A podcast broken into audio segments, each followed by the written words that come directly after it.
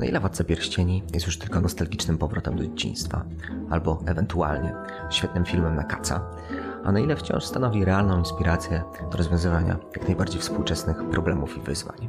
Czy w uniwersum Śródziemia znajdziemy coraz popularniejszych dzisiaj dumerów? I wreszcie, czy Tolkien rzeczywiście jest aż tak arcychrześcijańskim twórcą, jak najczęściej się go przedstawia? A może jednak w świecie Władcy Pierścieni znajdziemy wątki bardziej niepokojące, takie jak pochwała mistyki krwi, albo nawet pewnego rodzaju przychylne spojrzenie na eugenikę. Tego wszystkiego dowiecie się e, w nowym odcinku kultury poświęconej audycji Klubu Jagiellońskiego na czasy postchrześcijańskie, które chcą, ale nie potrafią zapomnieć o Bogu. Ja nazywam się Piotr Kaszczyszyn i zapraszam Was serdecznie do wysłuchania nowego odcinka. W poprzednim odcinku Kultury Poświęconej Piotr Kaszczyszyn w nieudolny sposób e, próbował recytować e, pieśń Teodena o koniu i jego jeźdźcu. Jan Maciejewski próbował przekonać nas e, do tego, w jaki sposób może funkcjonować integralny monarchizm na przykładzie postaci Teodena. Konstanty Pilawa opowiadał nam o tym, jak to ulubiona chyba nasza postać, czyli Samwise Gamgee jest katolickim gigaczadem. Bartek Brzyski mówił bardzo mało, ale bardzo mądrze. No i Mateusz Tondera był Mateuszem Tonderą, czyli mówił dużo i o wszystkim, za co go uwielbiamy. Drodzy, dzisiaj drugi odcinek poświęcony Władcy Pierścieni. Pierwotnie planowaliśmy jeden, ale w trakcie wyszło, że mamy bardzo dużo do, powiedzenia na ten temat. Przynajmniej się przekonamy, przekonamy dzisiaj. Poprzedni odcinek zakończyliśmy w taki sposób, że Mateusz zasugerował, żebyśmy sobie w drugiej części spróbowali poszukać treści niekatolickich u Tolkiena. Ja się trochę skrzywiłem, bo to jest trochę tak, jakby obrażać papieża Polaka. Więc nie wiem, czy będziemy szli w tym kierunku. Najwyżej zobaczymy, co nam wyjdzie w trakcie. Natomiast Janek i Kostek przed odcinkiem zaproponowali, żeby jednak spróbować poszukać nie tylko takich treści osobisto antykwarycznych w stylu, w których scenach Władcy Pierścieni płakaliśmy, ale żeby znaleźć jednak takie elementy bardziej współczesne tego Tolkiena i zastanowić się, na ile uniwersum Śródziemia i Władcy Pierścieni odpowiada jakimś takim współczesnym nie wiem, problemom, wyzwaniom, współczesnej wrażliwości. I zacząłbym od ciebie, Kostek, reklamując już twój prawdopodobny tekst za tydzień w, w plusie minusie poświęcony ekologicznemu dumerstwu. Odcinek o dumerstwie już mieliśmy, więc przy tej okazji w ogóle zachęcam do, do odsłuchania sprzed mniej więcej po dwóch odcinków. Więc jakby pierwsze, pierwsze pytanie, czy statement otwierający w twoją stronę, no dotyczy się właśnie tego, w jaki sposób ty byś chciał tego Tolkiena z dumerstwem w ogóle połączyć. Myślę, że to, co jest we Władcy Pierścieni bardzo takie dające pewne ukojenie i z drugiej strony bardzo katolickie, to jest współpraca przeznaczenia z wolnością ludzi. Nie? Postaci w, Władcy, w uniwersum Władcy Pierścieni są wolne, ale z drugiej strony realizują jakiś z góry ustalony plan. I to nie jest plan, czyli fatum, czyli właśnie ten dum, który, który jakoś ich nie woli. Nie. Przeznaczenie to jest w katolickiej teologii po prostu pewien plan Boży i wrzucanie nas w pewną sytuację egzystencjalną i postawienie nas przed decyzją konkretnej sytuacji. My stajemy jako wolni ludzie przed wyborem dobra lub zła. Twoja mowa ma być tak, tak, nie, nie. nie? I to jest trochę tak, jak, jakbyśmy sobie to przekuli na ten dumeryzm, że dzisiaj ta świadomość apokaliptyczna, myślenie w, w ramach takich dużych kwantyfikatorów, że żyjemy w jakimś czasie schyłku i tak dalej, że dlatego może to dawać nadzieję, bo my jako osoby nie możemy zajmować się wybieraniem czasów, w których istniejemy. My zostaliśmy w ten świat wrzuceni i tutaj tym konkretnym życiu mamy pewien plan do zrealizowania i całe nasze życie składa się z ciągów decyzji i te decyzje są wolne, bo my możemy wybrać albo zło, albo dobro. I myślę, że to daje nadzieję, bo z jednej strony trochę uwalnia nas z takiego myślenia po świecku rozumianej apokalipsy, tak? czyli czegoś złego, czegoś, czegoś co, co jest jakimś końcem, a uwalnia nas w stronę tego, że my możemy, możemy decydować o własnym losie. Ja też chciałem mówić o tym dumerstwie, dlatego że poznałem to słowo tydzień temu i, i bardzo, mi się, bardzo mi się spodobało. Ja chciałem zacząć od tego, że Władca Pierścieni to nie jest pierwsza wojna o pierścień, która się odbyła w kulturze europejskiej. Kilkadziesiąt lat wcześniej odbyła się wo, wojna, czy jakby podróż, podróż po pierścień bardzo podobna do tej. Mam na myśli tetralogię Wagnera i pierścień Nibelunga, prawda? To jest mniej więcej ten sam pierścień. Czyli nie chodzi o to, że y, Tolkien nawiązywał do tego, do tego, co robił Wagner, tylko obaj korzystali mniej więcej z tego samego zasobu kulturowego, prawda? Dla obu to były, y, to były y, mitologie północy. I te podobieństwa między nimi dwoma są, są bardzo ciekawe, bo przez nie jakby widać sposób, w jaki Tolkien prze, przekraczając Wagnera trochę przekraczał nasze czasy. Co mam na myśli? U Wagnera pojawia się takie Y, taka kategoria y, Konstantin Floros, który y, napisał bardzo ciekawą książkę, o nim używa sformułowania necessity of doom, czyli konieczność fatum. Widzicie podwojenie, prawda? To nie tylko fatum, to konieczność jest to, to, to, jest nie tylko fatum, to fatum jest jeszcze konieczne. Nie? Konieczność, konieczność upadku. Znaczy, w całym tym pomyśle, który stał za, za, koncepcją, za koncepcją sztuki Wagnera, sztuki, polityki, religii, bo to była, bo to była jedność, była jakaś taka niesamowita rządza władzy i tego, żeby skupić w swoich rękach jakąś ogromną moc, prawda? Tego, tego symbolem był pierścień u Wagnera i tego jest też symbolem, y, symbolem u Tolkiena. Ale y, w tym wszystkim jest też takie przeczucie, że tego jest za dużo, prawda? Że jakby człowiek nie jest, nie jest w stanie tego udźwignąć. W tych, w tych kluczowych momentach ten, y, te, te, ten motyw tego, tej, tej konieczności fatum pojawia się właśnie w momentach takiego wzmożenia, kiedy już jesteśmy blisko, ale to musi, podobno można przeklinać, to musi jebnąć, prawda? Jakby czujemy, że, te, że, że, że, że, tego jest za dużo, że człowiek nie jest, e, nie, jest, nie, jest w stanie, nie jest w stanie tego unieść. I to, w jaki sposób Tolkien przekracza, przekracza Wagnera, przekracza w ogóle całą, całą tą koncepcję, też skojarzyło mi się ostatnio, ostatnio oglądaliśmy z żoną drużynę pierścienia i tam w takich momentach narracyjnych E, jak są takie reminiscencje z przeszłości i pojawia się taki fragment, w którym narrator mówi, a historia stawała się legendą, a legenda mitem, e, w tle brzmi fragment, który jest żywcem zerżnięty z, e, z preludium do, do Parsifala Wagnera, prawda? I Howard Shore musiał wiedzieć, co robił. Profesjonalni muzycy wiedzą, wiedzą co, co, co robią, cytując, cytując takie motywy. I Tolkien odwraca, odwraca całą logikę, całą logikę poszukiwania świętego Grala, która, jest, która jakby stoi za tym, za tym pomysłem. Prawda? To znaczy, zau, zauważmy, że u niego cała opowieść zaczyna się nie od, zaczyna się właśnie od znalezienia pierścienia. Tak jak wszystkie te opowieści dążyły do tego, żeby odnaleźć pierścień, tak u niego chodzi o to, żeby pierścień zniszczyć. Prawda? I drużyna pierścienia, która jest źle trochę przetłumaczona na polski, bo fellowship to nie jest drużyna w znaczeniu team, tylko bardziej bractwo. Zresztą w jednym z polskich tłumaczeń pojawia się to słowo. To, to tłumaczenie jest zrypane na wielu innych poziomach, dlatego się to nie przyjęło. Ale słowo bractwo jest dużo, jest dużo lepsze, bo ono daje jakby charakter tej, tej wspólnoty, jaką oni stworzyli. Prawda? To jest tak jak bractwo Tulet, jak wszystkie te mistyczne bractwa, które znowu dążyły do tego, żeby pierścień znaleźć, ale znowu im chodzi o coś odwrotnego, to żeby pierścień zniszczyć. Prawda? Tak jak Frodo odbywa podróż, która jest podróżą inicjacyjną w każdym z tych, y, w każdym z tych, y, z tych wariantów opowieści o Świętym Gralu, tak tutaj mamy podróż degradacyjną. Prawda? Znaczy Frodo z każdym krokiem staje się coraz gorszym, coraz gorszym stworzeniem, aż do tego, aż, aż, aż do ostatecznego, y, ostatecznego upadku i ostatecznej i ostatecznej klęski. I to wszystko krąży wokół tego, że tak jak była konieczność y, u, u, u Wagnera, była jakaś konieczność klęski, konieczność upadku polegająca na tym, że wzięliśmy za dużo na swoje barki, tak Tolkien stworzył y, pojęcie oikastrofe. Chciałem, chciałem teraz y, krótko, krótko go zacytować, bo ono jakby genialnie odpowiada właśnie na ten, na ten nastrój, który, który z pojęciem dumerstwa się wiąże. Oikastrofa, czyli nagły, szczęśliwy zwrot w opowieści, który przeszywa radością sprowadzającą łzy, co moim zdaniem jest najwyższym zadaniem, jakie mają pełnić baśnie. Nabrałem przekonania, że wywiera on swój szczególny efekt dlatego, że stanowi nagły przebłysk prawdy i cała natura człowieka, spętana materialnym łańcuchem przyczyny i skutku, łańcuchem śmierci, odczuwa nagłą ulgę.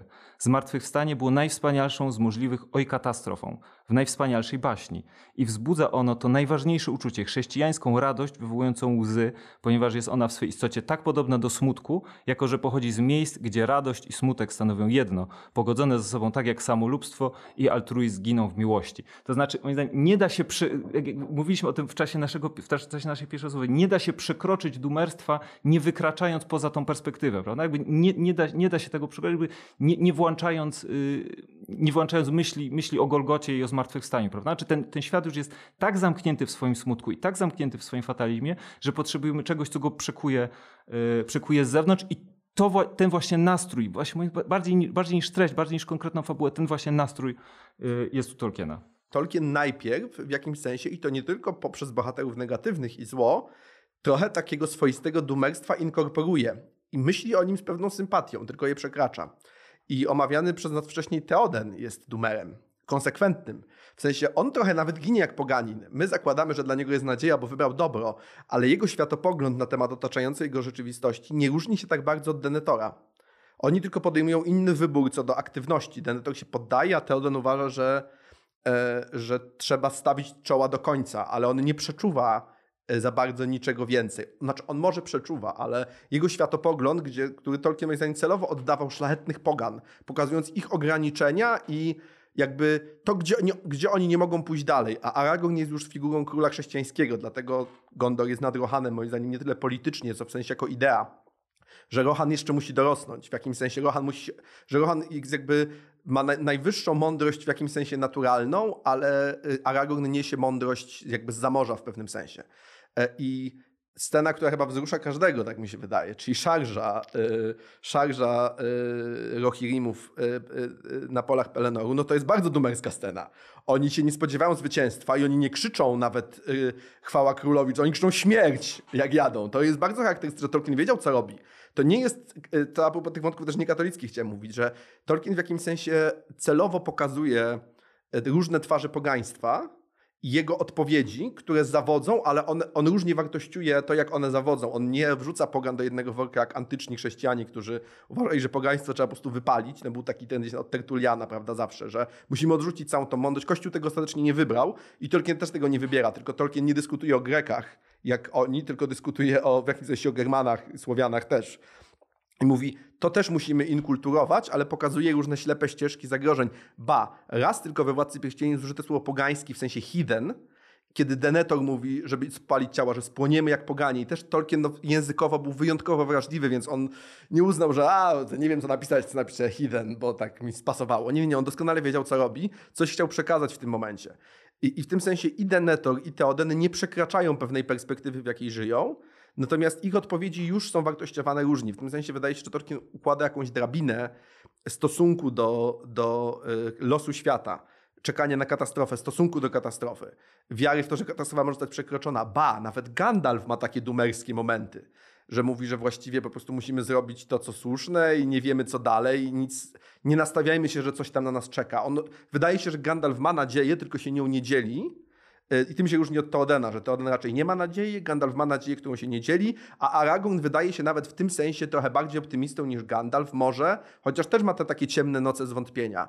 Więc w tym sensie Władca Pierścieni jest tym lepszy dla Dumerów, że on się realnie mierzy z tym, co oni czują w jakimś sensie. On nie tylko mówi, jesteście głupi, macie lepsze, Tak, tak, tylko tak, on oczywiście. mówi, oto wasza dumerska podróż, ale nie bójcie się, bo można to przekroczyć. Dlatego ja mówię o przekroczeniu i odrzuceniu, że przekroczyć można tylko to, co po herblowsku znieść, no nie? Wcześniej wchłonąć w siebie. To ja mam tylko problem z tym, co wy mówicie, czy głównie Mateusz, o tym, e, kto jest Dumerem, a kto nie jest. Dlatego, że tak na dobrą sprawę, jeżeli popatrzymy na wszystkie te postacie, no to one e, jakby w narracji być może one są, ja bym powiedział, one są po prostu pesymistami, tak? To znaczy my działamy, to jest skazane na porażkę, ale jakby jest pewna, pewna prawda, do której my nie mamy wglądu. To znaczy my potrzebujemy jakiejś opatrzności czegoś innego. Oczywiście to, to, to się nie pojawia, tak? No bo jakby to jest taki świat, w którym właściwie e, nie ma żadnej żadnej specjalnej metafizyki, tak? Więc oni się nie odwołują do jakichś takich e, do opa- Poza jednym fragmentem, kiedy Gandalf mówi, że tam jest, jest, jest ścieżka, że to nie jest koniec, to dopiero początek, prawda? To... Gandalf mówi jeszcze więcej. Gandalf w jakimś momencie mówi, że są jeszcze inne potęgi, które mogą się wdać. Tak, tak, Gandalf E, coś tak, wie, on to tak. jakby przemyca delikatnie, ale... A, bo Gandalf ten też przeszedł najwięcej, nie? No Tak. to więc wobec czego, bo po takich przeżyciach trzeba wiedzieć coś więcej chyba. E, Natomiast chciałem tylko powiedzieć, że mimo wszystko to odróżnia te postaci od tych dumerów, o których mówił Konstanty we wprowadzeniu, że e, dzisiejsi dumerzy są bierni, tak? Oni nie są, oni nie idą na żadną e, bitwę, nawet mm, jeżeli są przekonani, że ona jest skazana na, e, na porażkę, tylko oni na nią czekają. Co więcej, oni nawet chcą, żeby ona przyszła wcześniej, bo skróciłaby ich jakieś tam różnego rodzaju cierpienia. Wydaje mi się, że dzisiaj tak na dobrą sprawę, jeżeli byśmy próbowali wyciągnąć to, e, co jest inspirujące e, dzisiaj dla świata, jest to, żeby dostrzec to, że taka, że tak katastrofa, o której dumerzy mówią, ona jest, e, ona nie jest totalnie e, wymyślona, nie? W sensie, że to jest, jest coś takiego, że jednak ten, ta atmosfera e, jakiegoś schyłku się udziela, tylko to, co ty musisz zrobić, no właśnie, mając za wzór te postacie z Władcy Pierścieni, to się po prostu na nie z nimi utożsamić i dołączyć do drużyny Pierścienia. Tak, bo wydaje mi, ale wydaje mi się, że dzisiaj też to działa w takim sensie, że tak jak wtedy są ludzie jak na przykład mieszkańcy Bri, i to są fajne sceny, które film wyciął, kiedy oni wracają przez Bri e, i ten e, Batterburg tam się dopytuje o coś i on już pod koniec tej wojny, on już czuł, że jest coś nie tak, że o tylu było tu jakichś groźnych ludzi i tak dalej, ale on ciągle, dopiero oni się zaczęli wtedy na poważnie martwić, kiedy tam już wojna się kończyła. I na końcu jak się dowiadują, że była wielka wojna na południu, wygraliśmy, już będzie dobrze i wróci król, to on się bardzo cieszy. Ale on tak naprawdę bardzo późno, on jest trochę jak ludzie, którzy się zorientują w ostatnim ostatniej chwili, jeśli idzie jakaś katastrofa. Więc w tym sensie dumerzy nawet z perspektywy tolkienowskiej mają szansę czuć się trochę lepsi. Oni patrzą w Palantir, tylko stracili nadzieję. Oni nie są tymi głupcami, którzy mówią, że najlepsze czasy w, w historii, przecież jest super, mamy smartfony i gospodarka się rozwija i w ogóle jest na świecie coraz więcej tolerancji i wszystko idzie w dobrą stronę, a granica tylko kreski na mapie zaraz zlikwidujemy. No dalej są ci ludzie, nie? I w jakimś sensie dumerzy w ogóle są warci rozmawiania, bo są jakoś jednak level wyżej trochę od tych ludzi w takim sensie jakiejś świadomości. No właśnie, oni są, oni są zbyt świadomi, nie? Tak. Ta ich świadomość ich, Ich poraża? Trochę taką figurą dumera wydaje mi się Edyp po prostu, nie? W sensie człowiek, który wie, jakie jest fatum, całe życie próbuje od tego fatum uciec, a i tak na końcu jest plot twist i dostaje po dupie, nie? Przy czym Edyp przynajmniej próbuje uciec. Natomiast no, współczesny Dumer powiedziałby, dobra, dajcie mi... Od, od, Dawać o razu, od razu się ożenię z matką. Skoro tak i tak musi być, nie będę, nie będę uciekał, nie? Na zasadzie, że po prostu wydaje się, że to jest jeszcze, e, że to jest jeszcze level, level wyżej. Natomiast co do Rohirrimów i tego wątku, że, że oni są dumerami na czele z Teodenem, być może Teoden jest ostatnim pogańskim e, królem, natomiast e, tu jednak jest mi bliżej do Bartka, nie? W sensie dumerem nie jest ten, kto krzyczy śmierć i leci na śmierć i czyni tą śmierć bliższą, tylko dumer jest ten, to, który jest bezczynny, który trwa. Nie? Trwa i oczekuje, że ta apokalipsa przyjdzie jako coś z zewnątrz, jako coś, co wyzwoli y, wreszcie, żeby coś poczuć, nie? poczuć życie, a oni y, wręcz przeciwnie, rzucają się w to życie, nie? żeby krzyczeć śmierć i jakby To y, może- stawić, y, sprostać zadaniu. Nie? Mam, mam myśl, to może prawdziwym Dumerem, i to by było mroczne dla Dumerów interpretacja, może prawdziwym Dumerem jest Saruman. Okej, on jest aktywny, ale nie aktywny w sensie przeciwstawiania się złu. On stwierdza, że ta konstrukcja świata jest fundamentalnie zepsuta. On przecież wychodzi z jakichś dobrych intencji i czeka na katastrofę i na Saurona, licząc, że świat się radykalnie przebuduje po tym. On się oczywiście w pewnym momencie przyłącza, bo jest potężny, ale tak naprawdę jego przyłączenie się nie jest aktywistyczne. Ono jest takie z cyklu, on chce wziąć udział w podziale masy To upadłościowej jest taki trochę. uber boomer. Tak, to jest taki boomer, który ma środki i możliwości, ale, ale bo, on, bo on faktycznie jest taki, że czas ludzi się kończy i Tak, tak dalej. tak. Y, Film to wyjaskrawia i no, film, jakby nie mam o to pretensji do filmu, że film z niego robi bardziej kreskówkowego trochę Wilana. Y, Książka trochę subtelniej, chociaż on jest świetnie zagrany, ale w tym sensie, że on jaśniej mówi swoje złe motywacje. W książce on do końca jest subtelniejszy. W filmie to jest tylko rządza władzą, natomiast w książce to jest rządza czegoś, rządza porządku, Tak. nie? Takiego jakby ha- harmonii, którą my ustanowimy, prawda? On Tak. tam mówi, że ludzie nam się wymykają, ludzie cały czas psują ten, ten idealny ład, który my im chcemy narzucić, nie? Tak. W odcinku poświęconym y, dumerstwu stricte y, mówiłem w kontekście ekologicznym o tym, że y, postawa tych najbardziej radykalnych ekologów y, dumerów przypomina mi chrześcijańską apokalipsę y, i taką właśnie postawę y, świeckich ekologicznych apokaliptyków. Co po chamsku ukradłem w tekście do plusa. Muszę się przyznać. Podzielimy się hajsem.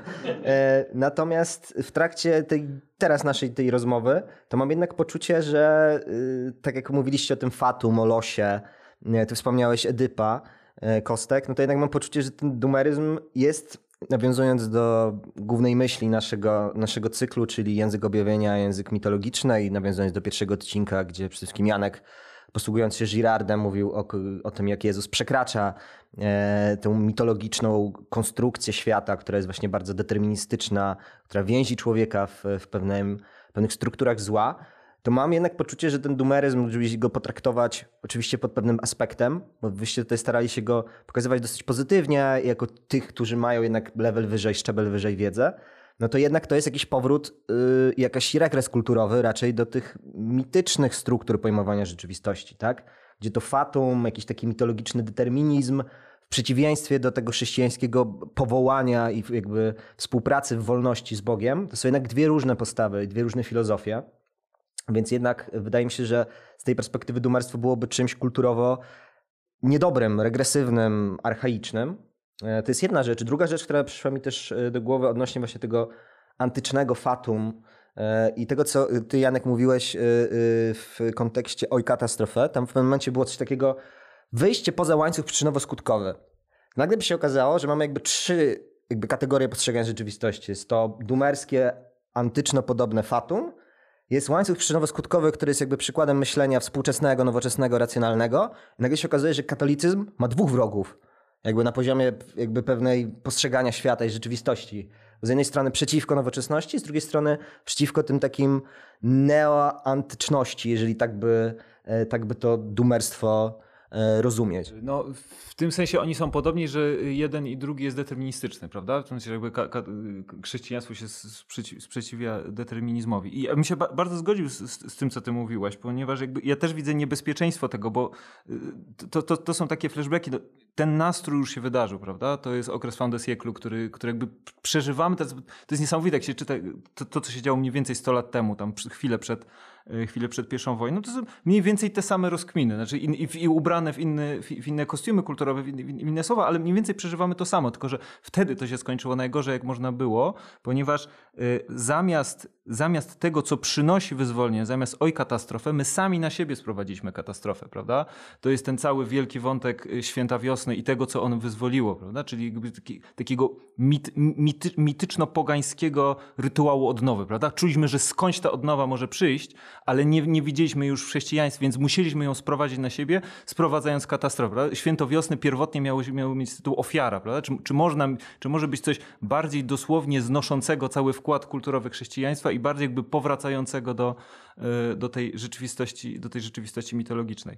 Ale e, ja bym chciał po powiedzieć też jeszcze o tym, że w pewnym sensie ten, ta niechrześcijańskość świata Tolkiena, to, że to jest jednak świat zamknięty, poza kiloma, kil, kilkoma bardzo, bardzo małymi przebłyskami, to jest, to jest świat bez, y, bez transcendencji, prawda? Ono jest szansą, bo, bo on w pewien sposób wydestylowuje te cnoty, które w świecie chrześcijańskim, czy w którym był, byłaby transcendencja, łatwo byłoby uciec, prawda? Łatwo, to wszystko łatwo było, a może to wszystko trafi szlag i pójdziemy do nieba, prawda? Można, można by było taką klauzulę generalną założyć na te wszystkie, te wszystkie wydarzenia. Tutaj tego nie ma i jakby dzięki temu to jest wszystko dużo bardziej, mm, dużo, dużo, dużo bardziej tragiczne e, i może to jest dobry moment, moment, żebyśmy przeszli do tych wątków niechrześcijańskich, czy jakby paradoksalnie chrześcijańskich, takich, które jakby rzucają wyzwanie chrześcijanom w, w Tolkienie. Tak, tak, to jest bardzo ciekawy wątek e, i tego jest sporo. Ja spróbuję, e, układam sobie w głowie jakąś taką quasi listę takich rzeczy, które są na, na takim jakimś wyzwaniem do przemyślenia. Właśnie ostatecznie uważam, że one nie są czasem są może niechrześcijańskie, nigdy nie są antychrześcijańskie, ale nawet jeśli są niechrześcijańskie, to służą reinterpretacji chrześcijańskiej. Natomiast to jest jakby, e, e, wychodzę do wniosków przed, przed, e, przed jakimiś przesłankami. Więc na pewno to, co się wydaje, w ogóle jeszcze nawiązując do tego, co powiedzieć o dwóch, wrogach i do tego, co do tej mistyki krwi ofiary i jednocześnie determinizmu, Chesterton genialnie zauważył paralelę. On mówił, że dla niego to był jeszcze okres mody na eugenikę i tak dalej. Jakby mniej się owijało w bawełnę te rzeczy wtedy. I była zachłyśnięcie właśnie eugeniką, genetyką, teoriami rasowymi i tak dalej. On mówił, że on to wszystko zna. To wszystko brzmi jak stare pogańskie, jakby takie mroczne eposy o tym, jak krew przez wieki przenosi klątwę i tak dalej. Kiedy on mówił o upośledzeniach genetycznych i tak dalej. On jakby w pewnych sensach, w pewnym sensie możliwe, że Chesterton nie miał racji co do nauki, ale miał absolutną rację co do ducha tych dwóch nurtów. Więc w tym sensie to nie jest, to, dla niego to nie byli e, osobni wrogowie, to był ten sam wróg, e, który po prostu odkrył jakieś prawidło w rzeczywistości i wrócił do, chętnie do myślenia, które już miał i które znał, właśnie do, do, mistyki krwi, ale też jakby właśnie genetyki jako pewnego determinizmu, e, tego, co nam się w życiu przytrafi, pewnego losu, który dziedziczymy razem z krwią. No to jest gęsto posplatane tak naprawdę, tylko po prostu kojarzy nam się z dwoma różnymi rzeczywistościami, rzadko widzimy to połączenie. Chesterton je przeprowadził i teraz ten moment, kiedy on je widzi, jest momentem, kiedy Tolkien jest w jakimś fundamentalnym założeniu, może być problematyczny z tej perspektywy. bo Tolkiena też to wszystko, bo Tolkien sięga po te same fascynacje i on je realnie ma. Te wagnerowskie, te mitologiczne, mistykę krwi również. E, I, jakby zawsze bronię Tolkiena przed zarzutami o rasizm, ale wątek krwi numenoryjskiej jest, jest jak jest, nie? Jest jak jest. Żyją dłużej i są jakby lepsi lepsi też. Potencjalnie, kiedy upadają moralnie, upadają bardziej, więc ci czarni numerynoryjczycy są strasznie źli, ale jest jakieś powołanie idące z tą krwią, że jak się mu sprzeniewierzysz, to już jesteś od razu bardzo zły, ale to też świadczy o pewnej, o pewnej wielkości e, tego ludu, jakby, który dostaje no, genetycznie pewne błogosławieństwo. E, oczywiście można to w kategoriach duchowego wybraństwa, ale jednak w tym świecie ono funkcjonuje w kategoriach krwi. Oni się żenią z innymi kobietami, mężczyznami, ten, ten czas życia się skraca, a Aragorn zostaje jakby pobłogosławiony na nowo tym darem w pierwotnej formie i żyje znowu bardzo długo.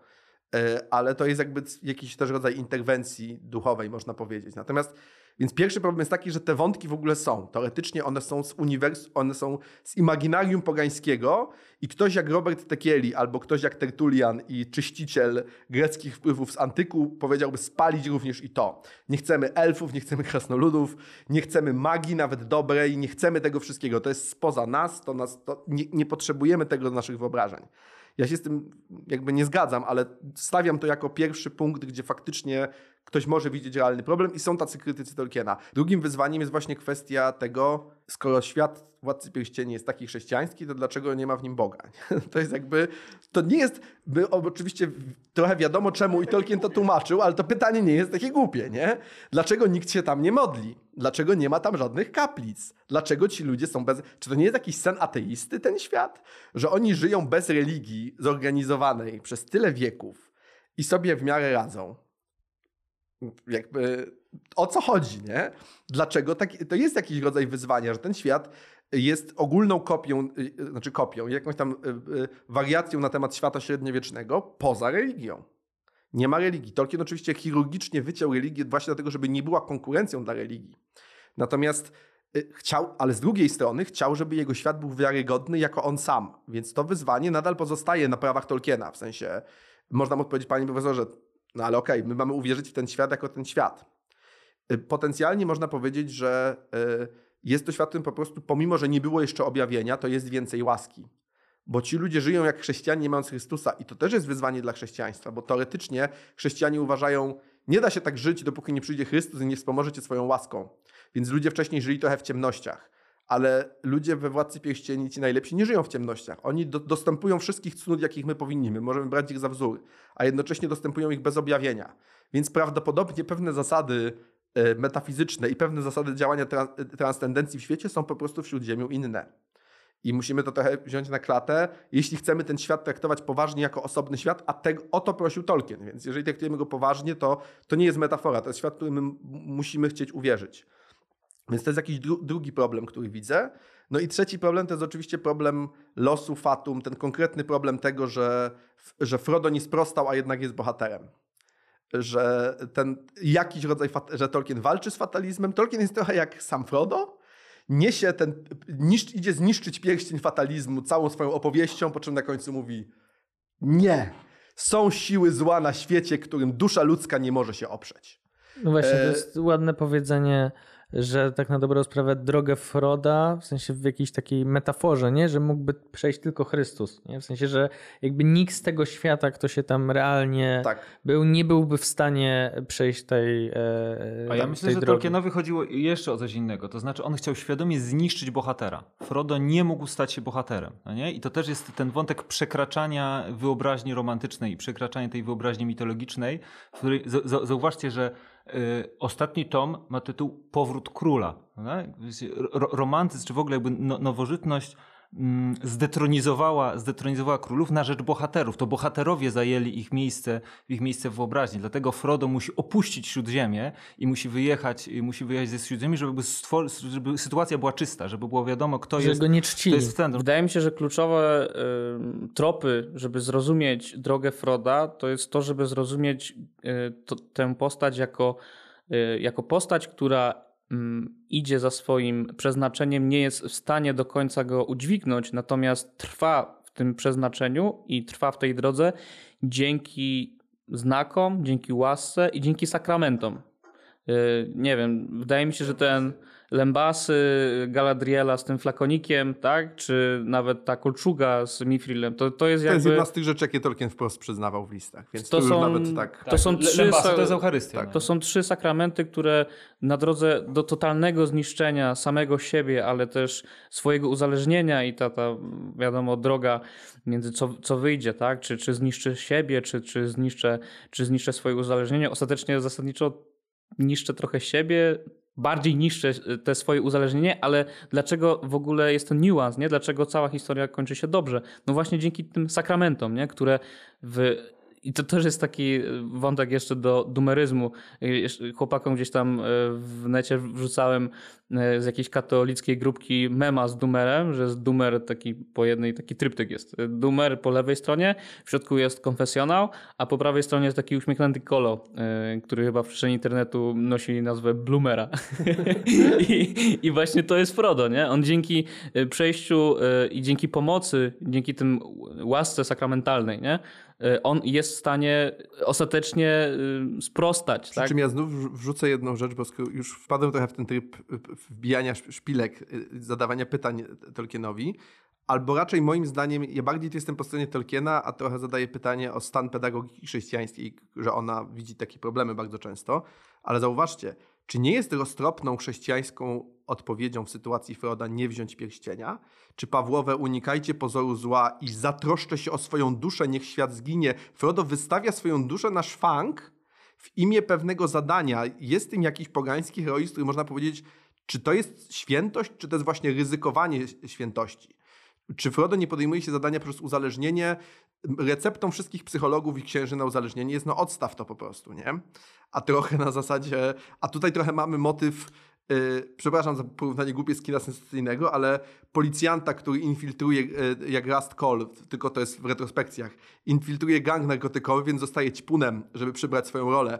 I czy Frodo nie jest, czy Frodo nie jest gościem, to on, czy to nie jest ten gość, czy, czy to nie jest ta figura, gościa, który mówi, do którego szef policji mówi, wiem, że jest ci ciężko, Wiem, że narażasz swoją duszę, ale musisz dalej ćpać z tymi gangusami, bo potrzebujemy twoich... I tylko w ten sposób rozbijemy ten gang. Czyli brnij dalej w problem duchowy, potężny, z którym się zmagasz, na końcu wygrasz. Ale czy roztropny, cnotliwy chrześcijanin nie powinien powiedzieć, nie, dzięki Gandalf, znajdźcie kogoś innego, albo wyrzućmy go do rzeki i sami mówicie, że z 500 kolejnych lat go nie znajdzie tego pierścienia, a my w międzyczasie ocalimy nasze dusze, za 500 lat Bóg się o to zatroszczy.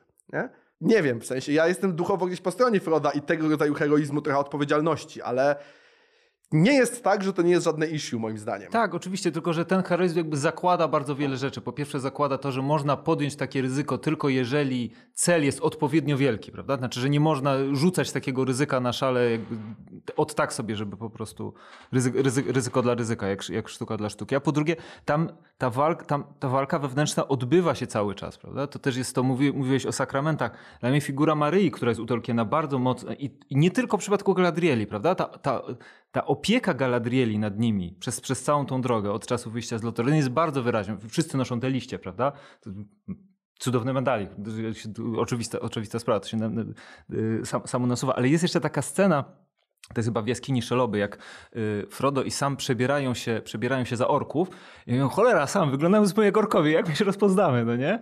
A on mówi, wymów imię, teraz nie, nie pamiętam, to jest chyba imię Este, jedna, jedna z... Wa- tak, tak, jedna, jedna z Walarów, ponieważ żaden ork nie byłby w stanie wypowiedzieć, wypowiedzieć imienia, prawda? To jest coś jakby cudownie korespondującego z egzorcyzmami, z tego, że żaden szatan nie jest w stanie zdzierżyć Maryi. Różne rzeczy są w stanie znieść, ale nie są w stanie znieść Matki Boskiej, nie? E, Okej, w sensie, nie, y, ale czekamy, aż mi zaczniecie odpowiadać na te konkretne rzeczy. To ja w sensie, mam- ja świat mam bez Boga i bez kościołów y, i- w ogóle pytanie, czy potrzebujemy w ogóle pogańskiego imaginarium do czegokolwiek, czy nie powinniśmy go wyrzucić. W sensie, jakby ja tak naprawdę robię z adwokata diabła, uważam, że potrzebujemy i uważam, że Tolkien dobrze wytłumaczył, dlaczego w świecie nie ma Boga, ale jedno i drugie wydaje mi się, że to są y, k- chrześcijańscy krytycy Tolkiena, których trochę jednak jest, na poważnie zadają te pytania, więc mamy szansę im w jakimś sensie odpowiedzieć, nie? Ten wątek, y, którego nie skonkludowaliśmy, czyli dlaczego Frodo podejmuje się tej misji, ja to odbieram w ten sposób, że Frodo jest po prostu żywym narzędziem łaski, nie? że on jakby jakaś transcendencja nieokreślona w tym uniwersum posługuje się nim i jako drobnym, nietypowym osobnikiem dziwnym, takim niesamowitym trochę freudowskim, który po prostu bierze to na siebie i, i, i robi, robi całą robotę, bo zauważmy, że w drużynie pierścienia, kiedy ma do tego dojść, to wszystkie rasy, te, które są odważne, te, które są, nie wiem, jakoś namaszczone, tak, mają jakiś statut wyższy, wysoki, oni y, się wszyscy kłócą i nagle y, no, jest wojna wszystkich ze wszystkimi i nagle wchodzi y, Hobbit i właściwie nie wiadomo czemu, bierze to na siebie. Nie? I to jest właśnie ten element jakiejś, jakiejś łaski, który jest, wytrąca się z racjonalności. Nie? Też nie musimy też podchodzić do Władcy Pierścienia jako uniwersum, które tłumaczy się stricte racjonalnie w takim języku, nie wiem, teologii trochę scholastycznej, nie? że będziemy teraz y, y, każdy włos na czworo i myślę, że dlatego to też jest y, no, fantastyka, żeby dać jednak przestrzeń do, do pewnych miejsc niedookreślonych nie? i zawsze w tych miejscach niedookreślonych szukać zgodnie z intencją zgodnie z intencją Tolkiena właśnie jakichś narzędzi łaski. Nie? E, to ja spróbuję na te dwa krótko. E, pierwsze, czyli e, determinizm rasowy no to ja jednak bym tego nie odczytywał w determinizmie rasowym, chociaż jakby dopatrzymy przez takie okulary, które ty teraz e, przyjąłeś, takie trochę współczesno-lewicowe, że teraz będziemy tropić e, w starych dziełach kultury złych rzeczy, murzynek bambo, obrzydliwa rzecz. Natomiast ja raczej to traktuję jako pewien element szerszego porządku hierarchicznego. To trochę, wydaje mi się, że, nie wiem, może się nie zgodzicie, jednak cała ta cały porządek świata jednak jest jakiś tam ala feudalny, tak? W sensie w śródziemiu. Jednak mam poczucie, że, y, że ten, nie do końca sama instytucja, ale pewnego rodzaju duch, no właśnie taki średniowieczno-feudalny się unosi. W związku z tym ci Numenorejczycy i ta kwestia królewskości, rodów, jest pewnego rodzaju pokłosiem no właśnie przyjęcia takiego modelu uporządkowanego, harmonijnego, hierarchicznego. Więc ja bym tak próbował bronić y, Tolkiena tutaj po prostu. E, że to nie jest jakby nowoczesny XIX-wieczny rasizm i eugenika, ale raczej właśnie takie przekonanie, że e, tak jak mówiłeś o, Mateusz chyba o, o tym duchowym wybraństwie, no to jednak raczej w tych kategoriach. Natomiast co do kwestii e, braku, braku kapliczek, religijności, zinstytucjonalizowanej religijności, no to to moim zdaniem jest rzeczywiście ciekawsze, w sensie mm, tru, trudno mi to obronić jakby z perspektywy chrześcijańskiej, raczej to traktuję jako pewnego rodzaju konstrukcję świata, no bo to trochę przypomina rzeczywiście taki model, w którym e, no ten Bóg się trochę wycofał, tak? Jest jakimś takim Bogiem, e, byśmy powiedzieli, de, deistycznym, czy bogami deistycznymi, tak powiemy o, o, o Walarach. E, to jakby było z jednej strony, tak? Czyli oni się wycofali i jakby jest ten świat, który funkcjonuje jakby po, poza ich interwencjami, poza ich obecnością. No ale z drugiej strony można to czytać bardziej w kategoriach tego, że e, e, ten Bóg jest jakoś tam ukryty, ale cały czas jest w świecie i cała ta przestrzeń śródziemia jest raczej jakoś takie preparatio ewangelika. Jakby tam są możliwość e, zbliżania się do Boga, dlatego że ten świat jakby jest przesycony muzyką Iluwatara cały czas. Jakby nawiązując do tego, co u nas jest, no to to jest tak, jakby nieraz się czyta Sokratesa jako tego, który był trochę taką postacią przedchrystusową, ale jakby zawierającą elementy chrystusowe, jakby no, on też jakby funkcjonował ja tak trochę w logice preparaty ewangelika. Adwocem jedno zdanie, że tak, to jest też tłumaczenie, które, tylko że ono zakłada trochę to, co ja powiedziałem, że tak jakby w tym świecie było więcej łaski. Że to jest trochę założenie metafizyczne tego świata, którego Tolkien nie wypowiada wprost, że jakby Bóg jest, e, Bóg trochę płynie w świecie bardziej. Może tak jakby upadek był mniejszy, nie? że też był jakiś upadek, Tolkien o nim pisał, ale tak jakby on był metafizycznie mniej Y, dramatyczny i radykalny, bo zło się uzewnętrzniło.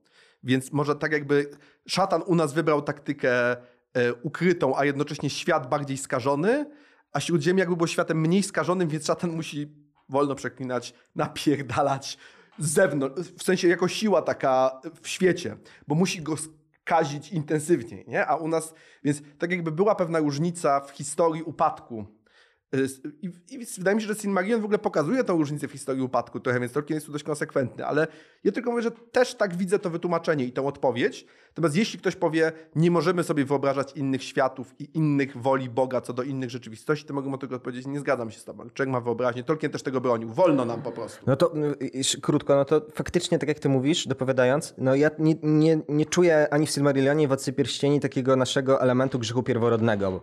Bo nawet jak próbując czytać historię y, Finora Felagunda i, i tych klejnotów, które mu Morgoth y, ukradł i Finor później decyduje się ze względu na umiłowanie tych, tego swojego dzieła, które, które dokonał, on jakby rusza do, y, do Śródziemia za, y, za, za Morgotem, no to to nie jest jakby, wydaje mi się, te klejnoty nie są jabłkiem, tak? Tam nie było jakiegoś takiego kuszenia, jakby to jest jednak inaczej opowiedziane, więc ten mo- motyw, w którym ty mówisz, że ta walka jest y, bardziej wyrównana i ten jakby element łaski jest większy, dlatego że wśród elfów, ludzi nie ma jakiegoś takiego momentu upadku ontologicznego. Oni mają w sobie, jakby w swojej kondycji ludzkiej, elfie i tak dalej, pewne elementy, które są potencjalnie pułapkami, w sensie są pokusami, są takimi elementami do zła, ale one są jakby od początku wmontowane w, w kondycję poszczególnych ras, natomiast wydaje mi się, że nie było wątku upadku ontologicznego ani takiego grzechu pierworodnego stricte. Znaczy był, ale on się dopo- dokonał nie na poziomie stworzenia, tylko na poziomie walarów, prawda? Tych, tych bytów takich pośrednich między jedynym a, e, jedynym a ludźmi. Może to jest tylko taka różnica. To ja w takim razie was trochę poprowokuję,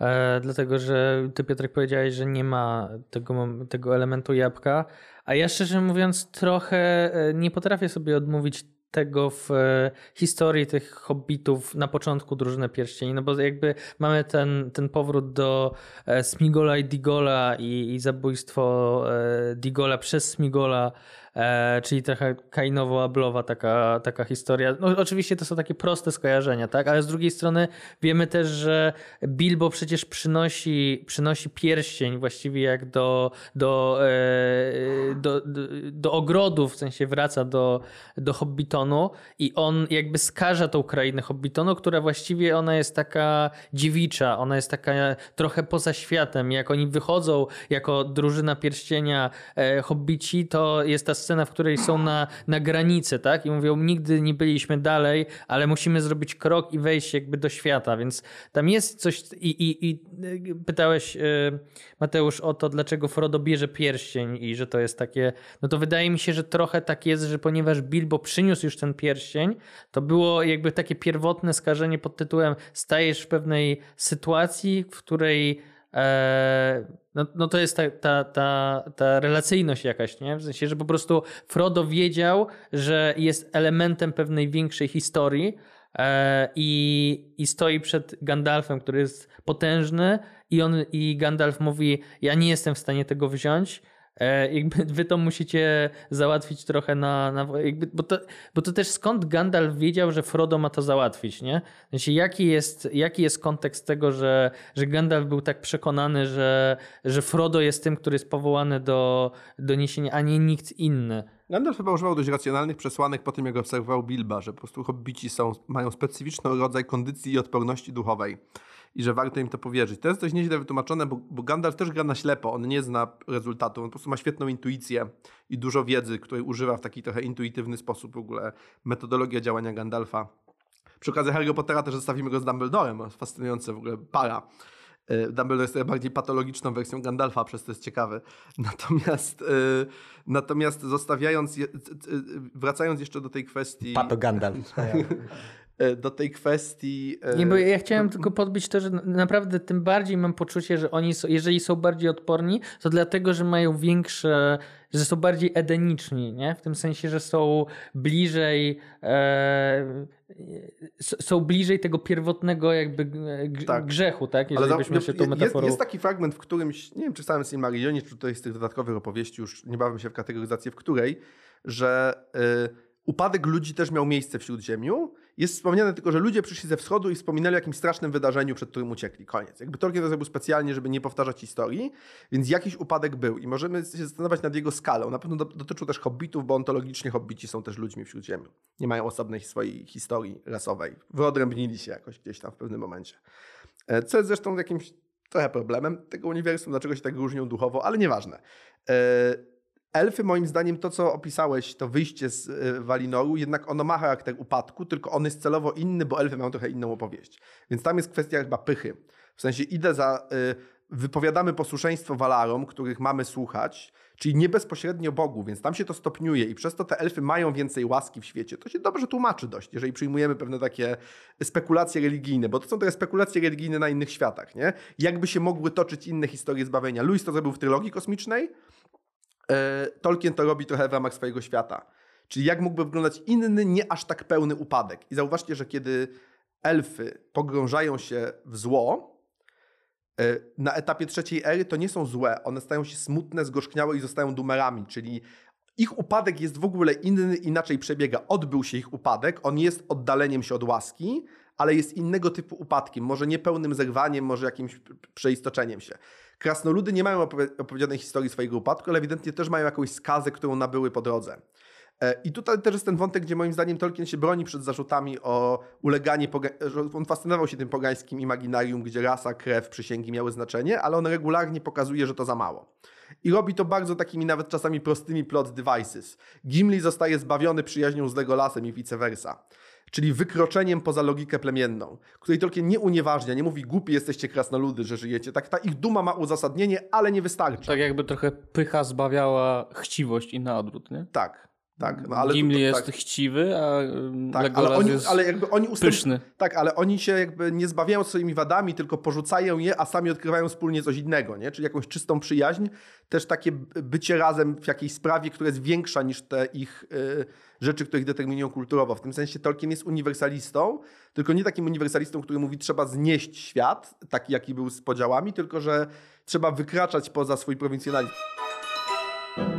I w tym miejscu postawiłbym kropkę, chociaż e, zakładam, że tych wątpliwie chrześcijańskich, potencjalnie antychrześcijańskich wątków u Tolkiena pewnie by się jeszcze trochę znalazło. Teraz do głowy pierwszy z brzegu, co mi przychodzi, to jest oczywiście wątek jego, jego stosunku do, do przyrody, bo z jednej strony oczywiście możemy sobie mówić, że jego krytyka Sarumana wynikała po prostu z krytyki cywilizacji przemysłowej. To jest charakterystyczne generalnie dla różnych myślicieli brytyjskich, choćby dla wspomnianego już wcześniej E, Chestertona, czy, czy, czy dla Beloka, czy innego rodzaju e, konserwatywnych myślicieli e, brytyjskich. Natomiast wydaje mi się, że to jest chyba coś więcej. Natomiast mówię, to jest wątek, to jest wątek jeszcze szerszy, który można by, można by szeroko omawiać. Wszystkich zainteresowanych odsyłam do przednego tekstu opublikowanego na naszych łamach, łamach Klubu Jagiellońskiego przez Marka Wojnara, w którym właśnie on analizuje to podejście ekologiczne czy zielono-konserwatywne Tolkiena na przykładzie Władcy Pierścieni. A na ten moment dziękuję Wam serdecznie za, za wysłuchanie kolejnego odcinka e, naszego minicyklu o języku mitologicznym i języku objawienia i do usłyszenia za tydzień, kiedy będziemy omawiali twórczość przyjaciela Tolkiena, czyli C.S. Lewisa. Do usłyszenia.